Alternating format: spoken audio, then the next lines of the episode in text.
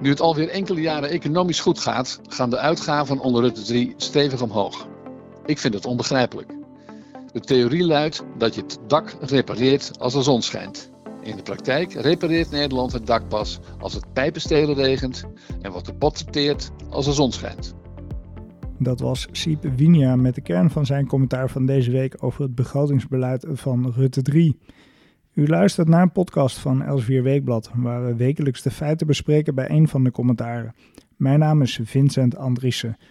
Uh, Siep, jij maakte in jouw commentaar een vergelijking tussen de situatie nu en die in 2008. Hoe was die situatie in 2008 en wat ging er precies mis? Nou, in 2008 begon de, uh, de economische crisis, hè, dus uh, Lehman Brothers viel. En in 2008 was de eerste reactie van het kabinet Balkenende 4 niet om te gaan bezuinigen, om de last te gaan verzwaren. Dat uh, deden ze niet. Ze gingen juist extra geld uittrekken om de crisis te bestrijden. Maar dat heeft met een paar jaar geduurd, tot 2010, tot 2010 2011. Toen uh, werd het beleid omgegooid. Toen uh, kwam er druk uit Brussel om het, het financieringstekort, dus het begrotingstekort, te verkleinen. En toen werd er dus een compleet andere benaderingswijze, een andere begrotingspolitiek toegepast. Namelijk uh, diende bezuinigd te worden en de lasten dienen omhoog te gaan. Sterker nog, de lastenverhogingen waren, uh, die kregen meer prioriteit dan de bezuinigingen. Want dat is nou eenmaal zo. Je kunt sneller een hogere BTW invoeren uh, dan een bezuiniging op defensie doorvoeren, om het zo maar te stellen. Uh, alleen waar geen rekening mee werd gehouden, is dat als je zoveel geld aan de economie onttrekt door die belastingverzwaringen en door die bezuinigingen, dan gaat de economie, die toch al aan het uh, inklinken was, gaat die economie verder krimpen. En als de economie verder krimpt en je wilt nog steeds het begrotingstekort verkleinen, dan moet je wederom extra gaan belasting uh, verhogen en gaan bezuinigen. Dat is ook precies wat er gebeurd is. En daardoor is Nederland was Nederland in 2013 bijvoorbeeld uh, het land met de, de, de negatiefste economische groei van de hele Europese Unie. Alleen Portugal uh, was geloof ik erger. Ehm, en dat is wat ik het kabinet Rutte verwijt. Dat zij trouwens, het lijkt ook op wat Balkenende deed in 2003, maar in ieder geval wat Rutte ook deed en steeds gedaan heeft, is in de crisistijd de crisis verergeren, omdat het begrotingstekort van de overheid eh, belangrijker werd gevonden dan het op de been houden van de economie. Ja, jij, jij, trekt de parallel inderdaad met nu. En, en jij zegt van ja, de situatie is vergelijkbaar. En we moeten uitkijken dat we niet in dezelfde val trappen. Uh, ja, maar dan is het in omgekeerde zin. Want het gaat nu al een paar jaar, hebben we dus een hele aardige economische groei. En uh, de belastingverzwaringen die Rutte heeft doorgevoerd, heeft hij in feite uh, maar voor een kwart teruggedraaid. Uh, dus Nederland heeft zich op eigen kracht moeten herstellen, ondanks die crisisbelasting zou je kunnen zeggen. En, maar nu het, uh, het al vele jaren, dus al een jaar drie, vier goed gaat. Nu gaan ze alsnog, maar dat is dan in het zicht van de statenverkiezingen van volgend jaar, alsnog een, naar het zich laat aanzien, enigszins redelijke uh, belastingverlichting doorvoeren. En, maar dat is dus typisch wat je noemt het dak repareren op het moment dat de, dus de, het nalaten van het dak repareren als de zon schijnt. Want nu schijnt de zon en dit zou een moment moeten zijn om de overheidsuitgaven in te perken in plaats van uh, op te jagen. Nou, dus, dus, dus eh, in feite door de kabinet Rutte, uh, dat, in zekere zin was dat ook bij Balkenende en onder de Kok al zo. Die doen precies het omgekeerde van wat de boekjes schrijven en de boekjes zeggen. Je moet het dak repareren als de zon schijnt.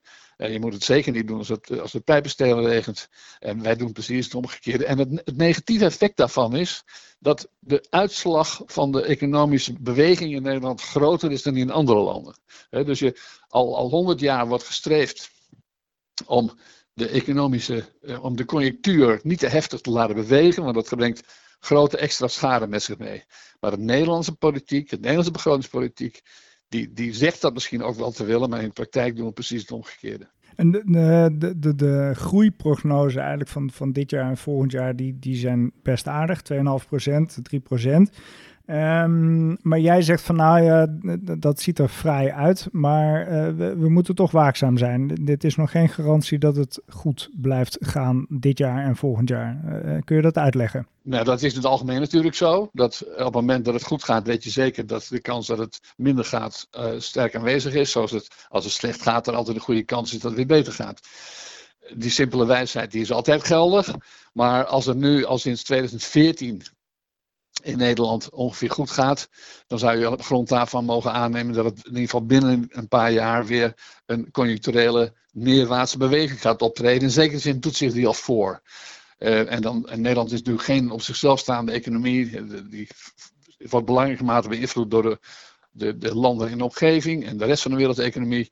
En met name de, de bewegingen in, de, in Europa, en dan speciaal in de buurlanden van Nederland, de eurolanden, eh, die heeft, eh, dan zie je de, de, de economische ontwikkeling en, uh, sinds een jaar of een half jaar neerwaartse tendens vertonen. De OESO, dus de denktank van de geïndustrialiseerde landen in Parijs, die, die maakt er nu nog grafiekjes van, van al die landen en van alle werelddelen. En dat hebben ze net ook weer gedaan en dat ziet er niet helemaal lekker uit. Dus de groeicijfers van het Nederlandse kabinet die zijn ook al een beetje bijgesteld de afgelopen maanden. Ietsje naar beneden bijgesteld. Dat is allemaal niet dramatisch. Het gaat allemaal nog goed. En in die zin zou je zelfs kunnen zeggen dat het is wel een aardig moment om nu de sluizen een beetje open te zetten qua economie. Uh, maar dat zou dan toeval zijn als de economische impuls van het kabinet dit op deze keer nog eens een keer wel op het juiste moment terechtkomt.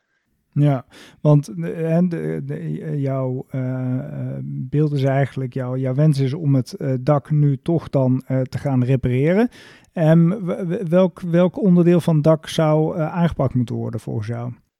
Nou ja, de, kijk, de, het, het, de kabinet Rutte die laten de uitgaven, de, de bijdrage van de bevolking aan de staat ieder jaar oplopen. Ook volgend jaar gaat hij uh, nog weer verder. Die gaat dan verder naar 39,1, 39,2 procent van het nationaal inkomen. Als je nou nagaat, dat toen Rutte aantrad in 2010, was het 35, uh, 35,9 procent.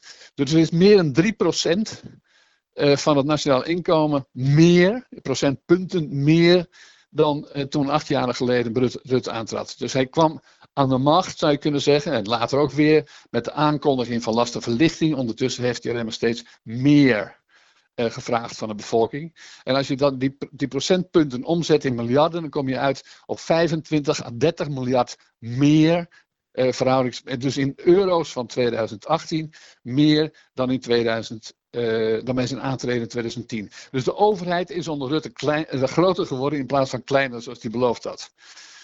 Nou is het ook niet simpel om die overheid kleiner te maken, want een groot deel van die overheid, ongeveer twee derde, bestaat uit uh, sociale uh, zekerheid en uit de gezondheidszorg. En die dingen heb je slecht in de hand. Dus ik ben niet zonder medeleven met het probleem wat Rutte heeft in dit opzicht. Maar toch zouden we moeten streven om de steeds verdergaande collectivisering van de economie, dus dat, het overheidsaandeel in de economie, om dat aan banden te leggen. En dat heeft Rutte niet gedaan, dat is vreemd natuurlijk voor een VVD-leider die een die beweert een grote samenleving en een kleine overheid te willen. In de praktijk gebeurt hetzelfde. En nogmaals, het is niet simpel, maar er zal toch nog gestreefd moeten worden om de overheidsaandeel in de economie te verkleinen. Dus de economie groter te maken en de overheidsaandeel kleiner. Dat kun je doen door de economie ruimer te laten functioneren. Dus dat heeft Rutte niet gedaan de afgelopen tijd. Want die heeft natuurlijk de economie eh, laten krimpen, zou je kunnen zeggen. Vanwege de budgettaire, uh, door de budgettaire maatregelen. Uh, een tweede mogelijkheid is om werkelijk de uitgavenpatroon van de collectieve sector uh, een, plattere beweging te laten maken in plaats van zo door te laten groeien. En dat zou bijvoorbeeld op neer kunnen komen, en ik weet dat het heel moeilijk te verkopen is, dat de eigen verantwoordelijkheid voor de burger en de patiënt in de gezondheidszorg, dat toch groter zou moeten, moeten worden omdat er nu geen enkele rem op staat, of bijna geen rem op staat, en eh, als dat zo blijft, dan gaan we straks de helft van onze inkomen uitgeven aan de overheid. En daarvan ongeveer de helft weer aan de gezondheidszorg. En dat, eh, dat is wat we geen van allen willen, want dat betekent dat we een zeer royale gezondheidszorg hebben, maar dat we daarvoor in armoede moeten leven. Ja, ja. tijd dus echt om het uh, dak te gaan repareren. Um, voorlopig kiest Rutte daar nog niet voor, maar we zullen kijken hoe dat, hoe dat uit gaat pakken. Jij, uh... Nou, Rutte kiest er eigenlijk, als ik mag reden mag van, Rutte kiest, er, uh, want het is een pragmatisch natuurlijk, je kiest ervoor om te doen aan de political business cycle, zoals het onder economen heet. Dat betekent dat politici niet altijd doen wat goed is voor het land maar wel kijken op welke manier ze verkiezingen kunnen winnen. En, het is, en, en wat we gezien hebben in 2016, toen is er dus een kleine belastingkorting doorgevoerd naar de eerdere verhogingen. Dat zie je nu weer, er wordt een belastingkorting doorgevoerd. Want als we straks in maart statenverkiezingen hebben, dan hopen ze op enige sympathie bij het volk. Want anders raakt deze coalitie de meerderheid kwijt in de Eerste Kamer. Ja, dus het is allemaal politiek uiteindelijk. Alles is politiek. Oké. Okay. Uh, eh, Siep, dankjewel uh, voor uh, de toelichting bij jouw commentaar. We zullen zien hoe het uit gaat pakken. Meer commentaren van Elsvier Weekblad vinden we in het magazine of online op www.elsvierweekblad.nl. Mijn naam is Vincent Andriessen en ik dank u hartelijk voor het luisteren naar deze podcast van Elsvier Weekblad.